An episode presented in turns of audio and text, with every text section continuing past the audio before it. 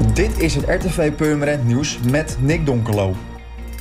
Woningcorporatie Intermaris heeft 15 sloopwoningen in de Weermolen Oost toegewezen aan Oekraïense vluchtelingen.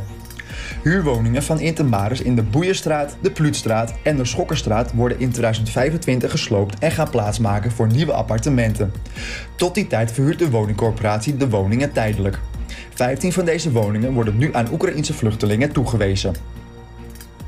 Afgelopen vrijdag heeft wethouder Koen Lageveen de eerste meters van een stuk grond tussen de Brandjesstraat en de Westerweg in de Purmer Zuid ingezaaid.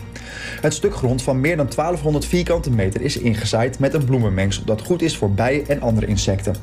Het initiatief komt van werkgroep Vergroening Purmerend, een lokale afdeling van Milieudefensie.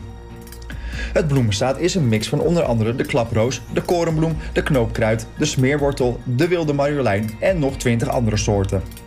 Vorig jaar april is dit terrein ook al ingezaaid, maar toen was het resultaat teleurstellend. Dit jaar is de grond daarom voorbewerkt en hoopt de werkgroep op een beter resultaat.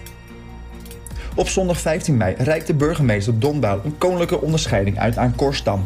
Dit gebeurde tijdens een feestelijke bijeenkomst naar aanleiding van het 30-jarig jubileum van Theater de Verbeelding. Korstam is vanaf het begin vrijwilliger van Theater de Verbeelding en was 15 jaar programmeur. Hij programmeerde diverse voorstellingen waarbij vooral veel beginnende groepen de kans kregen. Tegenwoordig is Stam bestuurslid van het Purmerends Theater en speelt hij een rol bij overleggen tussen kleine theaters in heel Noord-Holland. Sinds de jaren 90 is Stam actief bij Reuring. Hij was een van de initiatiefnemers en zat in de projectgroep Reuring.